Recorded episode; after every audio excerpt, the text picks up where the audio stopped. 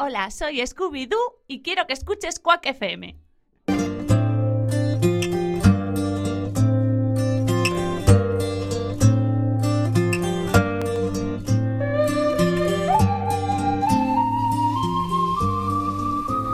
Eu xa te busquei cando o mundo era unha pedra intaita.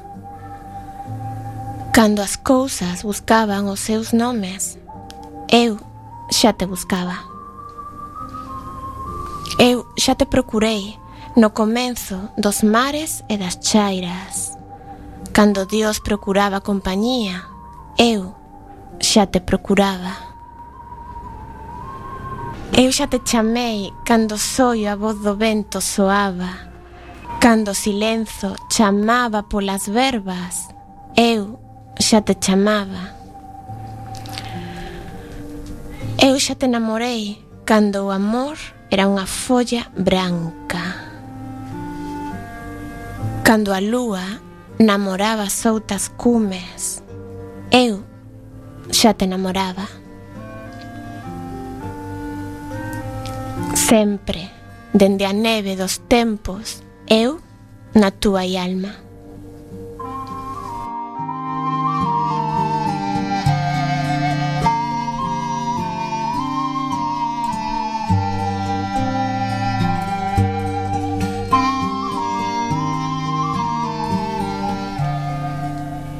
Acabades de escoitar o poema de Celso Emilio Ferreiro titulado Eu en ti, pertencente ao seu poemario O soño sulagado, que foi publicado no ano 1954.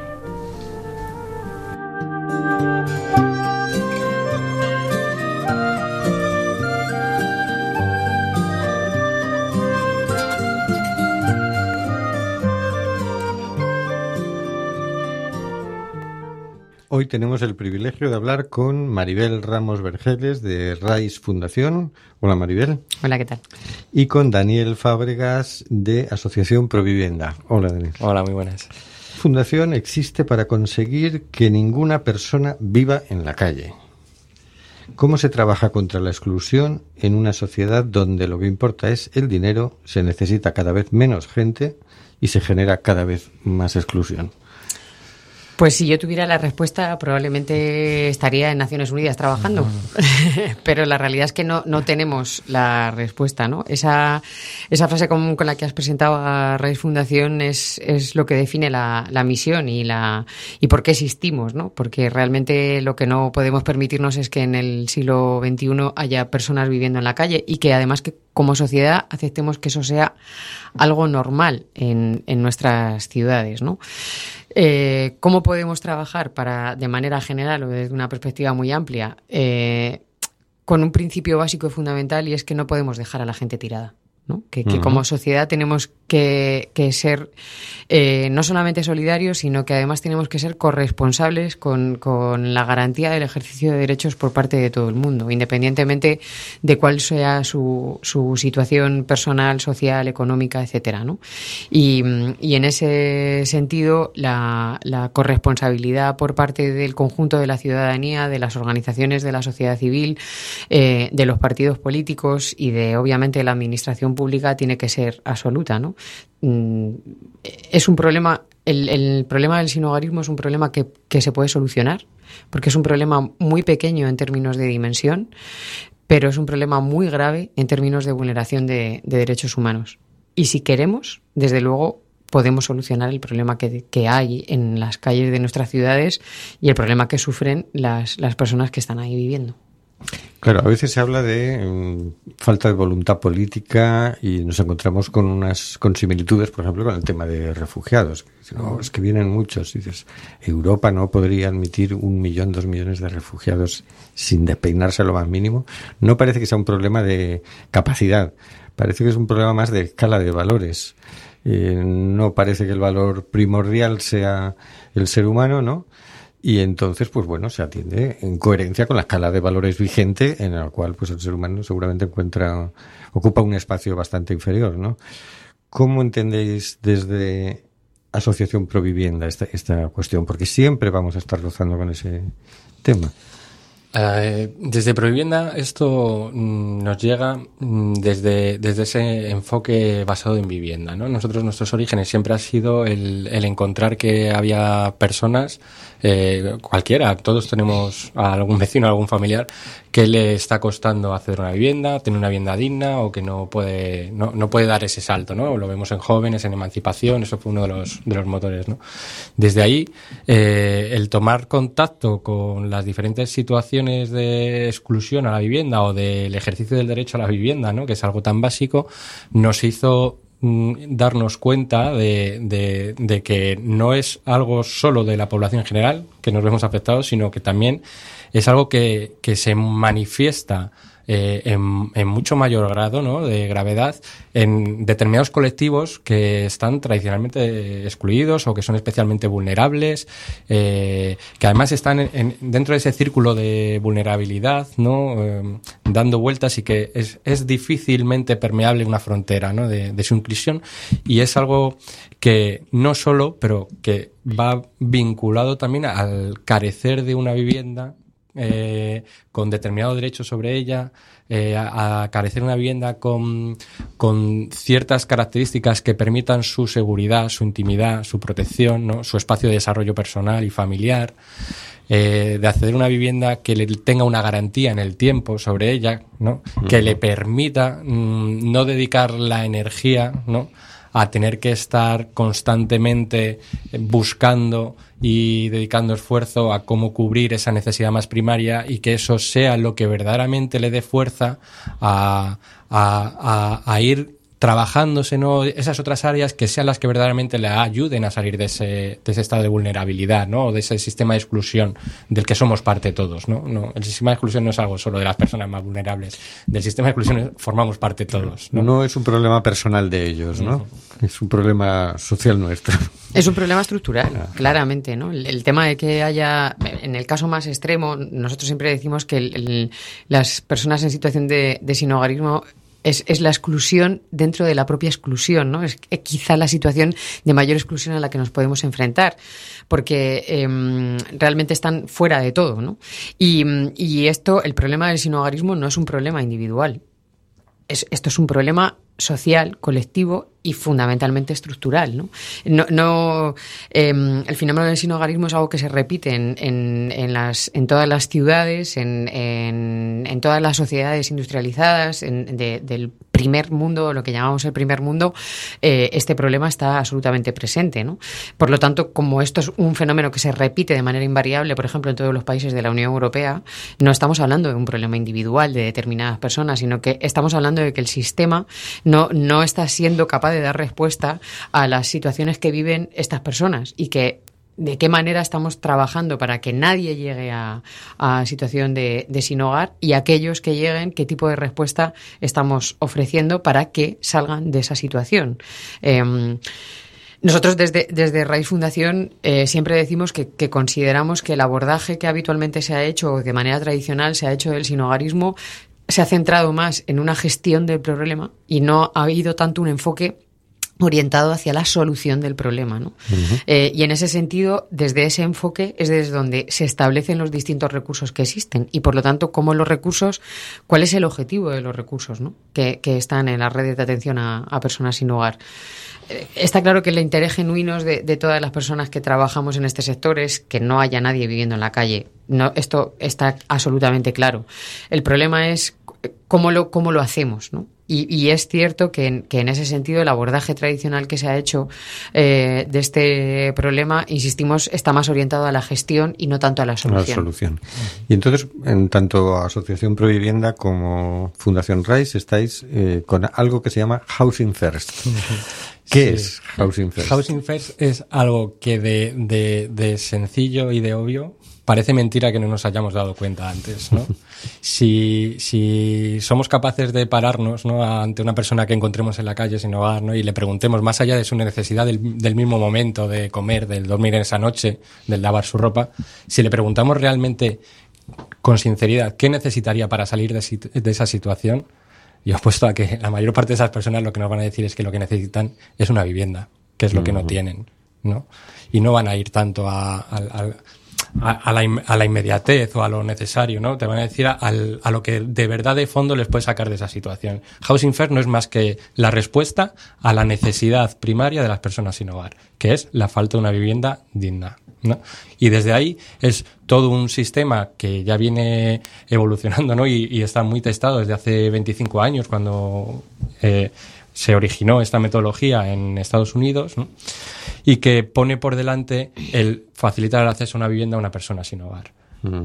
Una vivienda con determinadas condiciones, una vivienda individual, una vivienda eh, que le garantice protección y seguridad, una vivienda que gestiona como cualquiera podemos gestionar nuestro alquiler, ¿no? con nuestro propietario, en la que las normas que tiene que cumplir son pocas y son fundamentales, pero que tienen que ver con las que cada ciudadano tenemos que cumplir a, su vez en nuestro día a día, es tener una buena relación de convivencia, respetar un inmueble, ¿no? Y, y, en, y, en, este caso también pues aportar una parte de sus ingresos que desde Asociación Provienda siempre hemos definido que no debe superar el 30-35% de los ingresos que una persona tiene, no debería superar el, la parte que dedique a vivienda más de este porcentaje porque de otra manera nos, estaríamos viendo ¿no? que está en unas condiciones económicas de favor para poder mantenerla, para poder mantener una vida, etcétera.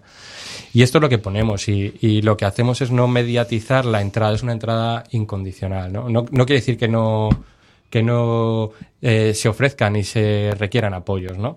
Pero lo que no se hace es filtrar a la persona y obligar a cumplimentar determinados programas o acompañamientos. Y lo que hacemos a su vez es darle la vuelta. Es, este es, este es un programa desde el que nosotros vamos a ofrecerte un apoyo incondicional, ¿no? una vez que tú ya has entrado a tu vivienda que tiene un carácter indefinido, ¿no? que no tiene una limitación en el tiempo, que eso también da cierta seguridad, para que en la medida en que tú quieras ir afrontando ¿no? diferentes retos, en la medida en que tú quieras ir avanzando en diferentes eh, facetas de tu vida, en la medida en que tú quieras ir mejorando tu estado de salud, en la medida en que tú quieras ir retomando el contacto con tu familia, en la medida en la que tú quieras empezar a establecer relaciones con tus vecinos, en la medida que tú quieras eh, plantearte un itinerario formativo, ¿no? nosotros vamos a estar ahí. Y la persona que va a decidir qué apoyos necesita eres tú, y yo lo voy a respetar. Y la persona que va a decidir en qué orden quiere recibir esos apoyos vas a ser tú. Y yo voy a respetar tu decisión y voy a poner a tu alcance ¿no? los medios que necesites para que tú lo logres. ¿no? Es un apoyo desde ahí, ¿no? desde tener como foco a la persona. ¿no? Curioso porque el enfoque es como el contrario a la mayor parte de las eh, eh, medidas asistenciales que hay, que lo primero que te hacen es, primero demuéstrame que eres más pobre que los demás y que estás más hundido que los demás y luego si tú haces todo este itinerario de inclusión que yo te digo, te vamos a ir, pero te vamos a vigilar. Sí, efectivamente da, la vuelta al, sistema, ¿no? Claramente este, este modelo supone un, cambio eh, de, enfoque en el que efectivamente el sistema tradicional de atención lo que va planteando es el establecimiento de determinados objetivos que las personas tienen que ir alcanzando. Y esos objetivos, además, decimos de manera general que son consensuados con la persona, pero en el fondo el papel del profesional es el central, ¿no? En el que el profesional es el que sabe, es el que toma las decisiones, es el que decide cuándo, hasta cuándo, de qué manera, en qué forma, con qué apoyos, etcétera. Y al final de cuando vas cumpliendo los distintos objetivos, vas, eh, mm, te van permitiendo el acceso a distintas tipologías de recursos, cada vez mm, hacia, más orientados hacia una vivienda más normalizada, ¿no? Se empieza desde un, un espacio de baja exigencia, un alojamiento colectivo, etcétera, etcétera, hasta que supuestamente cuando llegas al final de, de todo ese itinerario, a priori alcanzarías una, una, vivienda autónoma. En el caso de Housing First lo que, lo que se plantea es no, no es necesario ningún proceso en el que efectivamente tú tengas que demostrar nada.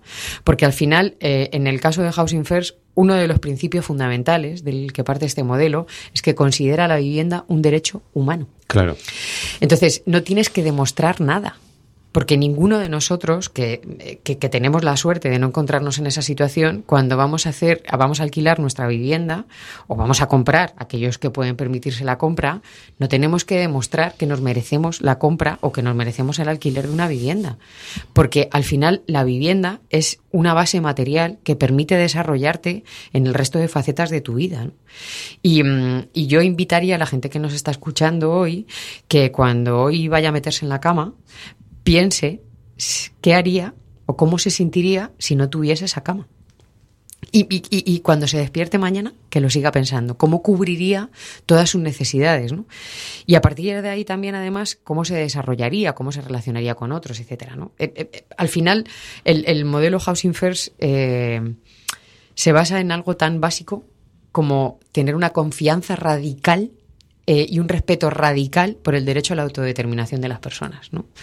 Eh, eso es absoluta, es básico. Yo creo que además es un principio mmm, humanista maravilloso, ¿no? Eh, porque confía, confía en que, en, que el, en que la persona que va a participar en el programa lo que quiere es vivir bien. Claro. Porque nadie, de verdad, es que nadie quiere vivir en la calle. Eso te quería preguntar. Es decir, ¿no os habéis encontrado con personas sin techo que no quieren, que rechazan la, la cosa, que dicen, no, no, yo quiero seguir en la calle? Pues, eh, siendo francos, no. Ajá, no, no, No, eso es un no. mito que circula, ¿no? No, hay personas que pueden rechazar a determinados servicios que estamos poniendo a su disposición eh, cada- por diferentes motivos, ¿verdad? Pues hay personas que lo rechazan porque les exigen a lo mejor una abstinencia, hay personas que lo rechazan porque les exigen una aportación económica que no tienen, hay personas que lo rechazan porque les exigen unos horarios a los que no quieren adherirse o que no respetan sus otras necesidades. Hay personas que no se sienten seguros en este tipo de alojamientos. Hay personas que les incomoda no tener un espacio íntimo, individual o de privacidad y prefieren vivir en la calle a tener que compartir eh, una habitación con otras 30 o 40 personas. Eh, sinceramente hay, hay muchas motivaciones, ¿no? Y, y sin duda son servicios que también se han puesto con toda la buena intención y que desde luego están cumpliendo una función, ¿no? Pero entendemos que no está siendo suficiente porque la realidad que encontramos en todos los municipios que vamos visitando es que sigue habiendo un ele- elevado número de personas que ni siquiera a través, ni, ni siquiera acceden o ni siquiera a través de estos servicios que tenemos actualmente, de los que nosotros también hemos gestionado, ¿no? Que no, no, no es algo ajeno a, a la realidad de nuestras entidades no, no les está sirviendo para salir de ese círculo de exclusión. ¿no? Entonces, cuando nosotros vamos con el programa Housing First, cuando, cuando tomamos contacto con las personas ¿no? a- que, van, que van a acceder a su vivienda, que esto queda claro desde el minuto uno, su vivienda, eh, en esta vivienda gobiernas tú, esta es la llave de tu casa, yo soy un apoyo a que tú puedas hacer un buen uso de tu casa, y es un apoyo a que tú puedas mantenerte en tu casa, y esos son los mensajes que hay que lanzar, ¿no? Eh, Yo creo que ninguna persona, no, no, me suena que en, en toda la experiencia que lleváis desde varios años, ha habido a lo mejor, no sé si una, que hubo alguna dificultad, que iba más vinculada a un trastorno de salud mental. Ninguna, ninguna ha dicho que no. Ninguna. El, el porcentaje de personas que permanecen en viviendas que están adscritas a programas de Housing First a nivel europeo, en- a los cinco años de haber incorporado está por encima del 80%. Que esa, Ah, esa ah. tasa de permanencia, de seguridad, de retención, no la encontramos en ningún Nada. otro tipo de servicios para personas sin hogar. Y esto quiere decir que se encuentran bien, que está respondiendo a sus necesidades. ¿No? que atiende a sus demandas y que, y que atiende a sus derechos fundamentales, como dice Maribel. ¿no? Mm. El, el caso que hablaba, que hablaba Daniel eh, es, es un caso efectivamente muy curioso en el que no fue un tema de, eh, de, de negarse a entrar en la vivienda. El tema es que no se, no se creía que esto fuera así. Y lo que pensaba es que éramos una secta rara que queríamos eh, llevarle a, a- a algún sitio malo, ¿no? Pero sí que es verdad que este punto de, en el que esta creencia eh, más o menos extendida de, bueno, les estamos dando recursos, ¿no? Como sociedad, estamos poniendo albergues, ¿no? Para que vayan las personas eh, y, no quieren ir, ¿no? Y yo hay siempre hay una, una pregunta que, que yo le hago a la gente que, que hace este tipo de afirmaciones, ¿eh? Y es, es eh, ¿tú realmente querrías vivir en un espacio que compartes con sí, en una habitación comunitaria con 30, 40, 50 personas más, en el que no tienes un espacio de privacidad, en el que tienes que entrar al albergue, eh, a lo mejor tienes que hacer cola para entrar a las 7 de la tarde y en el que a las 9 de la mañana ya estás fuera y no tienes ningún sitio para dejar tus cosas, etcétera, etcétera, ¿no? Al final, el problema es que estamos ofreciendo recursos que no están adaptados a las necesidades de las personas En- y, y son las personas las que tienen que adaptarse a, a los recursos y esto es lo que quizá no tiene tanto sentido. Desde programas como Housing First o cualquier otro programa que esté más orientado hacia enfoques basados en la vivienda, em, la, persona, en la, medida en la que efectivamente en lo que entras en su vivienda, eh, no, tiene que hacer un proceso de adaptación a ninguna norma, sino que es su vivienda. Y desde esa vivienda es mucho más fácil iniciar otra serie de procesos que, permiten un, desarrollo mucho más favorable de las distintas dimensiones que tenemos como personas. Es, increíble, ¿no? Como, como un apunte, ¿no? Una mirada. Es. Eh, la mayor preocupación, y, me pongo en primera persona, ¿no? Cuando conocemos este modelo, cuando, cuando decimos, bueno, sí, una casa, ¿no? Y, si no van a saber, y, si, si no la van a cuidar, no la van a mantener, ¿no? Y nos han salido miedos de todo tipo, los propios, y, lo, y pongo en mi voz también la de muchos profesionales que, nos han trasladado cuando hemos presentado esta iniciativa. Es que eh, lo van a llenar de gente, es que no lo van a cuidar, va, va a ser un vertedero, eh, van a robar los muebles, van, eh, van a tener problemas día sí día no con, los vecinos. Y, yo creo que hay gente que igual decimos, bueno, a pesar de todos esos miedos tendremos que poner en marcha, ¿no? Pero yo creo que para el resto lo que debería servirnos es que, es que, que todo, todas esas creencias que tenemos no, no son más que creencias. Que, que la persona según entra por la casa y se le hace sentir que es su casa, tarda muy poco tiempo en, en, en personalizarla. En, en, vivirlo como propio. Eso lo encuentras cuando tú entras en el salón de una casa y ya ha puesto fotos, ha pintado un cuadro, ha recolocado los muebles en, en, la madera que a él le gusta, en la disposición. Ha tomado esa casa. Ha tomado esa casa y es la persona que más interés pone en cuidarla. Que más interés, que cuando tú haces una visita a esa casa, por norma general, está, que ya quisiéramos muchos, ¿eh? con ese ajetreo de ir para allá, para acá, al ritmo en el que vivimos, ya quisiéramos muchos tenerla así de cuidado, que son, que son personas que, que, que le dan mucho valor porque no lo han tenido. Como decía Maribel, eh, yo, yo no me he visto nunca durmiendo en la calle, nunca, nunca me he visto con esa necesidad. Yo no sé la dificultad que puede suponer para una persona el no tener eh, dónde dejar su medicación, incluso alguna que necesita refrigeración, dónde dejar mi documentación, qué hacer con mis pertenencias, de qué manera me puedo asear cada día, cómo garantizo que estoy comiendo y que como de forma saludable, cómo puedo preocuparme con mis papeles sanitarios, ¿no? con mis próximas citas, con mis informes todo eso se lo da la casa y todo eso la persona que de verdadmente la, ha echado en falta tanto tiempo, ¿no? Estamos hablando de personas, a lo mejor para la, sobre todo yo poniendo el foco en, nos estamos centrando en personas que ya una larga trayectoria de calle, ¿no? Para la que ya hemos puesto en marcha, eh, la hemos hecho pasar por esta red de servicios que actualmente tenemos y no le ha funcionado, ¿no? Estas personas que están desde hace tanto tiempo sin hogar son las primeras que le dan importancia, son las primeras que más valor le dan y, les importa tanto que tienen muchísimo miedo a, perder esa oportunidad. Es un tren que pasa una vez en la vida, ¿no? Esta certeza solo se tiene una vez, ¿no? Y es, y es los primeros que se esfuerzan en que, en, que, esa casa cuide, en cumplir sus compromisos, en, plantear una alternativa, en surgen dificultades, ¿eh? esto no es, no, es todo perfecto, no es un milagro, no es, no es todo de colores, surgen dificultades, pero las personas están muy, muy, muy, muy comprometidas con su vivienda y muy, muy, muy, muy comprometidas con su proceso. Se nos acaba el tiempo y yo os quiero preguntar una última cosa. Aquí estamos en, Coruña y eh, esta es una de las preocupaciones del gobierno municipal. De hecho, hubo recientemente un conflicto porque se iba a abrir un albergue en un barrio de la ciudad y los vecinos les entró el miedo y se opusieron y al final el ayuntamiento tuvo que, retroceder y poner albergue en, otro lugar, ¿no? ¿Pensáis hablar con el ayuntamiento de La Coruña? Bueno, sí, la verdad es que hemos, vamos a tener una, una reunión mm, simplemente por un tema de, confrontar o de, conocer un poco cuáles son los intereses comunes que podamos punto, no, no, sabemos nada más, ¿vale? No lo hemos tenido todavía, no te podemos contar nada en ese, en ese sentido y entendemos que el ayuntamiento está interesado en conocer otras otras tendencias y otros modelos que son una realidad en el conjunto de la Unión Europea. Claramente, eh, una buena parte de los países de la Unión Europea están apostando desde las propias administraciones públicas por este modelo de abordaje del, del sinogarismo y en el contexto de nuestro país, en las distintas comunidades autónomas, eh, pues la mayor parte de ellas también están poniendo ya el foco en este, en este modelo, ¿no?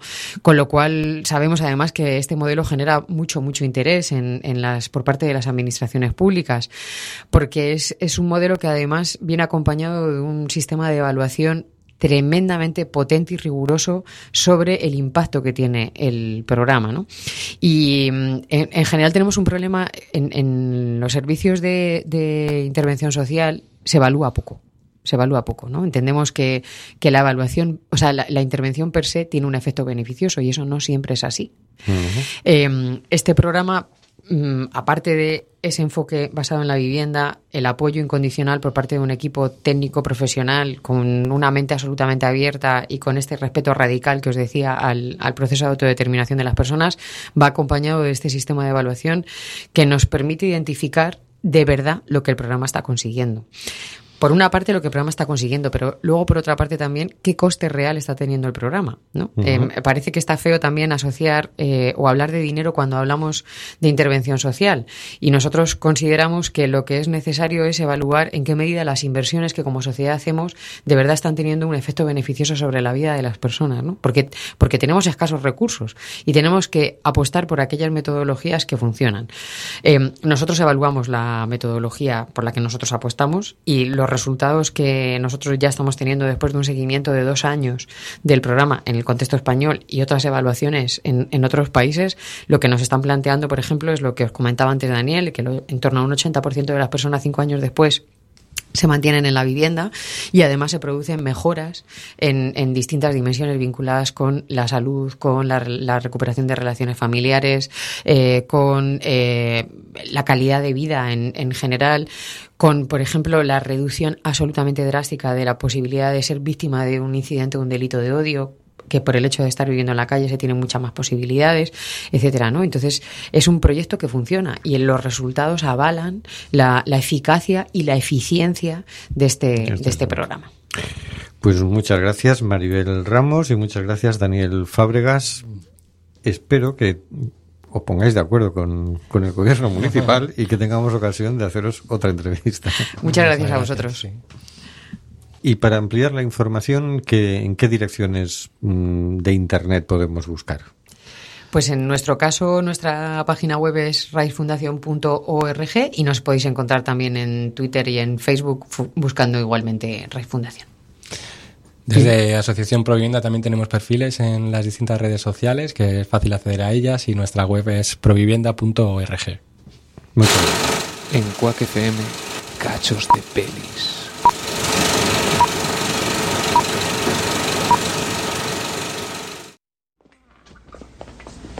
Eso es una chorrada, tío. ¿Sabes cuál es tu verdadero problema? Haber nacido.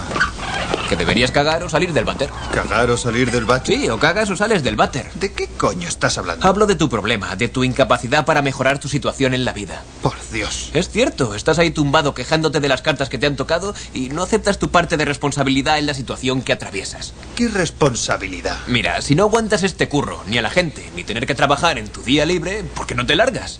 Como si fuese tan fácil. Lo es. Te levantas y te largas. Hay muchos curros y mejor pagados. Seguro que vales para hacer alguno. ¿Qué te lo impide? Déjame en paz. Estás cómodo, ¿verdad? Tienes una vida placentera y cualquier intento por cambiar las cosas destruiría el patético microcosmos que te has creado. Como si tu vida fuera mejor. Yo estoy satisfecho con mi situación actual y no me quejo de nada. Pero tú te pasas el día quejándote. Gracias. ¿Por qué no te vuelves a tu videoclub? Y lo mismo con Verónica. No la metas en esto. Sales con ella porque resultona y requiere poco esfuerzo. Pero después siempre estás hablando de Caitlin. Sigues colgado por la novia que tenías en el colegio. ¿Te das cuenta? Tienes 22 años. Que me dejes en paz. Si quieres a Caitlin, habla con Verónica y vete con Caitlin. Si quieres a Verónica, sal con Verónica. Pero no quieras a una y te folles a la otra. Joder, eres un cobarde de mierda. No soy un cobarde de mierda. Debe de ser cojonudo tener tu capacidad para simplificar las cosas. ¿Tengo razón o no? Pues no. Hoy han pasado muchas cosas. He dejado a Caitlin para siempre. ¿Por lo del fiambre? Ya superará lo de follarse un muerto. Mi madre lleva 30 años follándose un muerto. Yo lo llamo papá. Es imposible que Caitlin y yo estemos juntos. El melodrama es una especie de segunda naturaleza para ti. ¿Qué? ¿Quieres que te diga que sí? ¿Que siempre tienes la razón? Las cosas son como son y no van a cambiar. Que cambien. No puedo, ¿vale? Deja de tocarme los huevos. Yo no puedo hacer esos cambios en mi vida. Si pudiese, lo haría, pero no soy capaz de arriesgar lo poco que tengo por fantasías y sueños de grandes fortunas. No te engañes, claro que puedes. Joder, no me escuchas, no puedo. ¿Te vas a quedar ahí lamentándote porque no tienes huevos para cambiar? Mi madre me dijo que una vez cuando tenía tres años, la tapa de mi orinal estaba cerrada y en vez de levantarla, me cagué en los pantalones. Qué bonito. Lo que quiero decir es que no soy de los que cambian las cosas solo para poder cagar a gusto.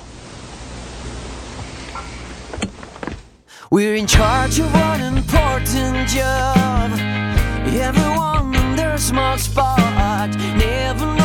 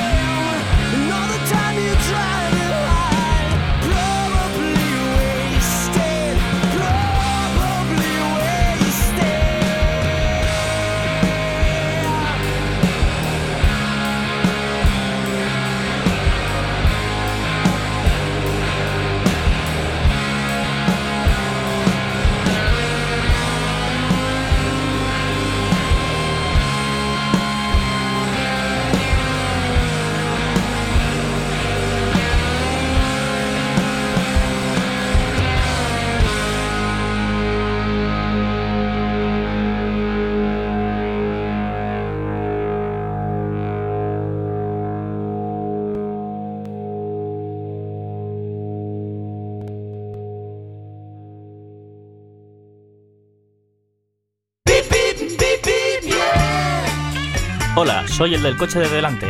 Y yo el de atrás. Te tenemos rodeado. Sabemos que estás escuchando Quack FM. Memoriza ya el 103.4 en tu radio. Y por favor, usa intermitente.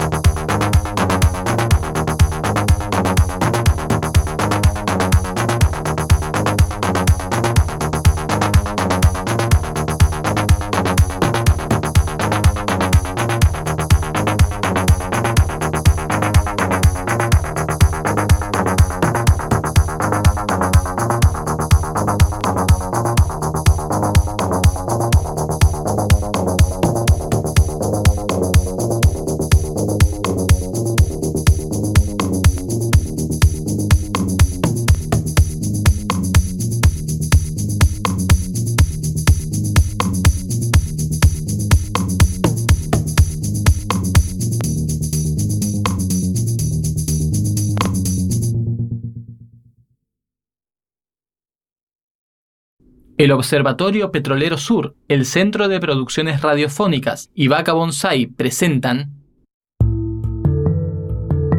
Territorio Crudo. Despacito, despacito. Capítulo 3. Mi vecino Plus Petrol.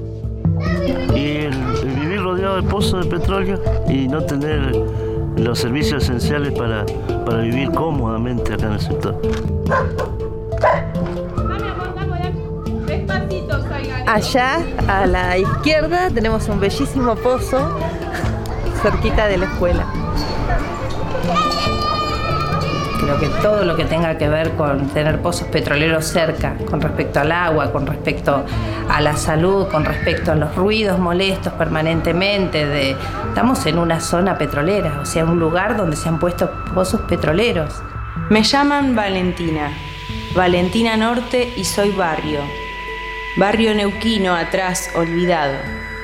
Mi patio tiene pozos, en mi fondo sacan gas.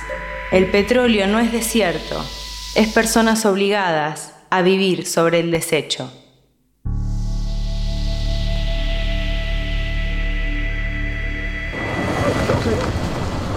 Armando uno, le pido un aplauso. así. Uno, uno solo, uno solo. ¿Por? Ahí, es. Sincroniza el la- sonido con la imagen. Ah, mirá. Entonces ahí significa el... ¿Qué tal la tecnología? Ah, visto. Yo soy Armando López, el presidente de la vecinal de acá de Los Hornos, Valentina Norte Rural de Neuquén Capital. Y estábamos eh, mostrando cómo vivimos. Un barrio eh, muy carenciado en servicios, muy, mucha gente viviendo acá. Por la necesidad habitacional se vino a tomar esta tierra y que hace entre 10 y 15 años que estamos ya asentándose eh, mucha gente acá en el barrio. Se están peleando por los servicios, el agua, la electricidad, que son esenciales para vivir. Hay cerca de 20 pozos de petróleo que están conviviendo con los vecinos acá en el sector. Eh, es toda la riqueza que sale de la tierra y lo más eh, es un recurso muy eh, que trae mucha plata para el país, para, para la provincia y- y el barrio no, no se ve reflejado. Es como ver el, eh, Colón con el espejito de colores, que te daban los espejitos de colores. Nos están engañando con el espejito de colores, como digo siempre. Pero esta es la realidad del barrio. eh, sin servicio, sin, sin lo elemental y rodeado de riqueza. Andate a la casa, Po. ¿Y ahora para dónde nos vamos? A la escuela. Vale. ¿Esto sigue grabando Ah, mira qué lindo. Bueno, y acá estamos en la escuela 356. Esta escuela 356 está hace 20 años acá. Y como ven, funciona en trailer. Eh, carenciado de gas, porque no tienen gas. Usan garrafas para calefaccionarse.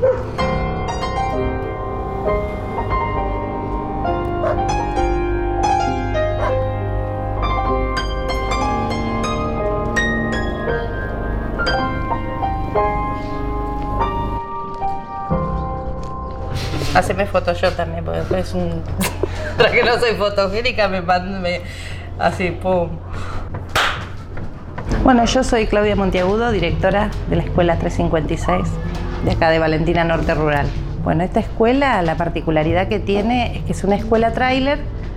Tenemos siete tráiler que hace 20 años que están funcionando dentro de, sería el centro de lo que sería, bueno, que ahora se está expandiendo muchísimo, de Valentina Norte Rural, donde asisten 178 alumnos. Hay una explosión impresionante de matrícula en los últimos dos años y los pozos petroleros, digamos, como que son dos contracaras de una realidad social totalmente diferentes, que son los millones que se llevan los pozos petroleros y las carencias que tiene la comunidad educativa y la comunidad en general acá en este lugar. Digamos, nosotros estamos pisando sobre, sobre donde tendríamos que sacar gas. Pero bueno, acá también, acá tenemos tubos.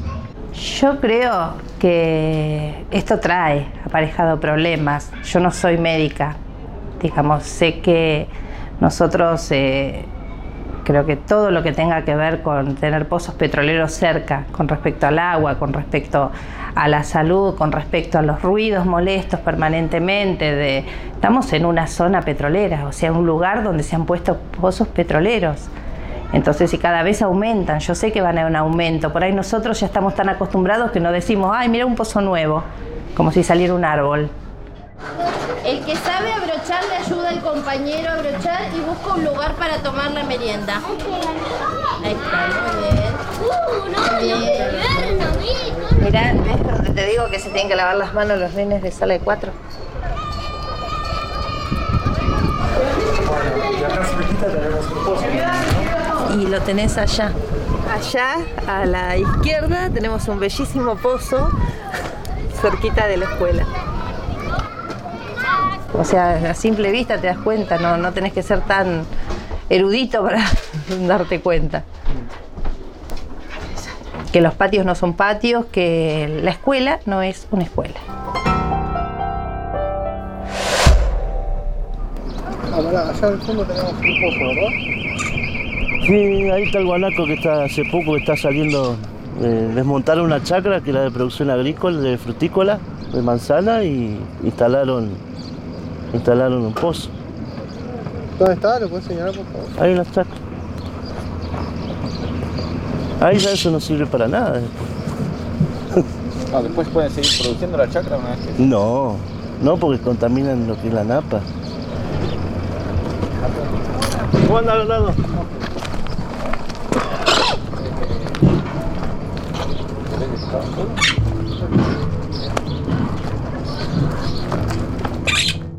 Graciela Purram 1. Bueno, mi nombre es eh, Graciela Purrán, vivo acá en, con, del corazón, vivo en Valentina Norte Rural. En cuanto a la realidad social, eh, y es media cruda, o sea, no tenemos gas. De aquel lado tienen agua potable hace muy poquito, se está terminando la obra de agua, y de este lado todavía no, hay que esperar un poco más. Mira, el tema del agua de pozo es que eh, acá es un tema eh, medio escabroso porque tenés pozos petroleros alrededor, entonces no te da garantía que el agua esté en condiciones para tomarla. Viste que son la, son las perforaciones no son más eh, eh, directas. El pozo que vos decías acá está, vos hacías un pozo acá en el medio del patio, acá tenés petróleo. No, son ramificadas, son en redes. Entonces vos tenés una perforación a 4 o 5 cuadras allá y están pasando por enfrente de tu casa o por debajo de tu casa la perforación. Eh, tenés que acostumbrarte a los ruidos porque ahora están un poco más silenciosos, pero antes era un ruido terrible. De noche que, que el- se agudiza el, el tema del silencio, sentías el tac, tac todas las noches. Y la gente que todavía vive cerca, como en el caso de Armando, tiene todavía esos ruidos hacia lo lejos de que todavía están perforando. Y... Cuidado que se va a cerrar la puerta. Cuidado muchachos porque estas se cierran. eh. Bueno, estoy grabando, eh, Armando 10. Muchachos, silencio, por favor, ustedes. Bueno, acá estamos ubicados en la esquina de mi casa. Yo hace nueve años que estoy acá. Eh, yo cuando llegué acá vine por necesidad. Y ahí estamos llegando al pozo de que estuvo el problema el otro día con el temporal. Eh, que derrumbó cuando corrió el agua, el- el- los paredones premoldeados se vinieron abajo y se, se entró el material de RIP y todo eso en una casa. Es todo. Está todo mal esto- ¿Cuál es el pozo? Ese está ahí. Un paredón de 100 metros cuadrados tiene más o menos.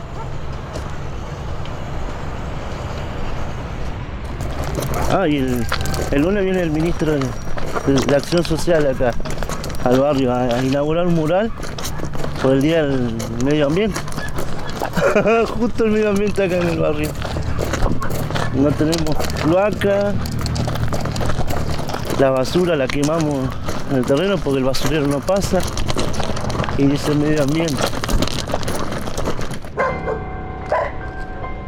Es la riqueza y la pobreza, es lo más eh, evidente acá.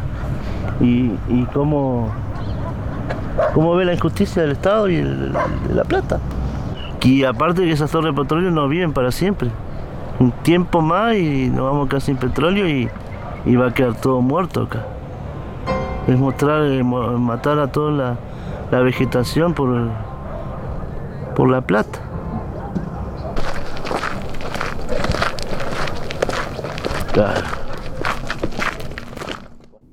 Www.opsur.org.ar www.cpr.org.ar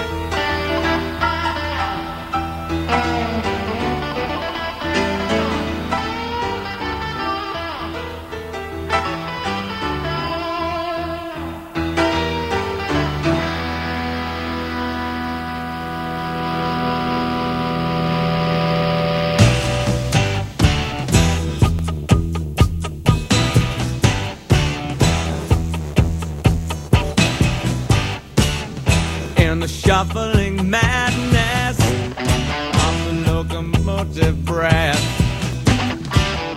Runs the all-time loser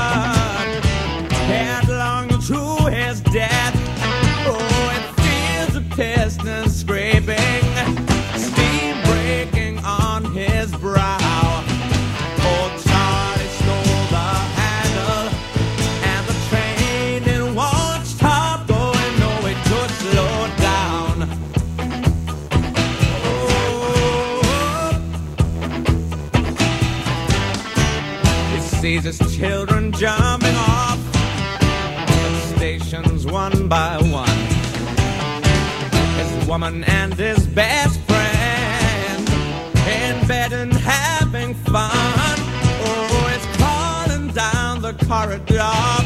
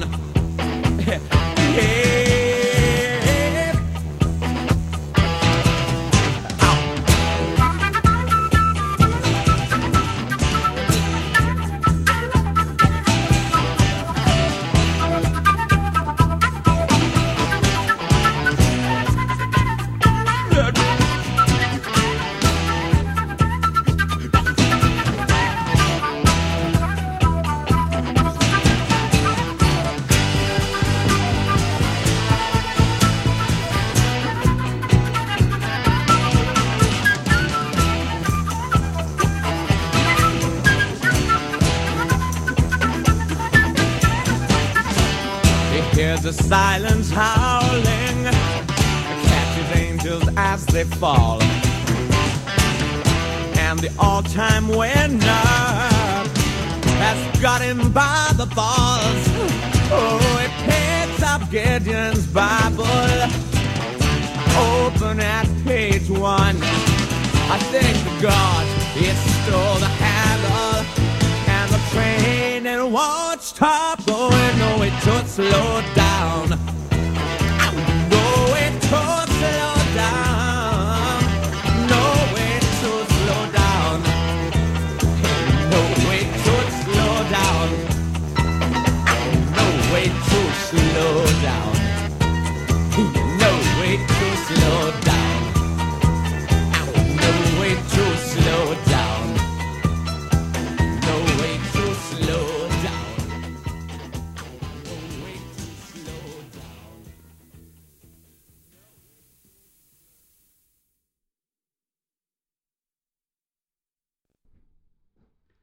¿Te gusta la radio? Ven y conócenos, Quack FM.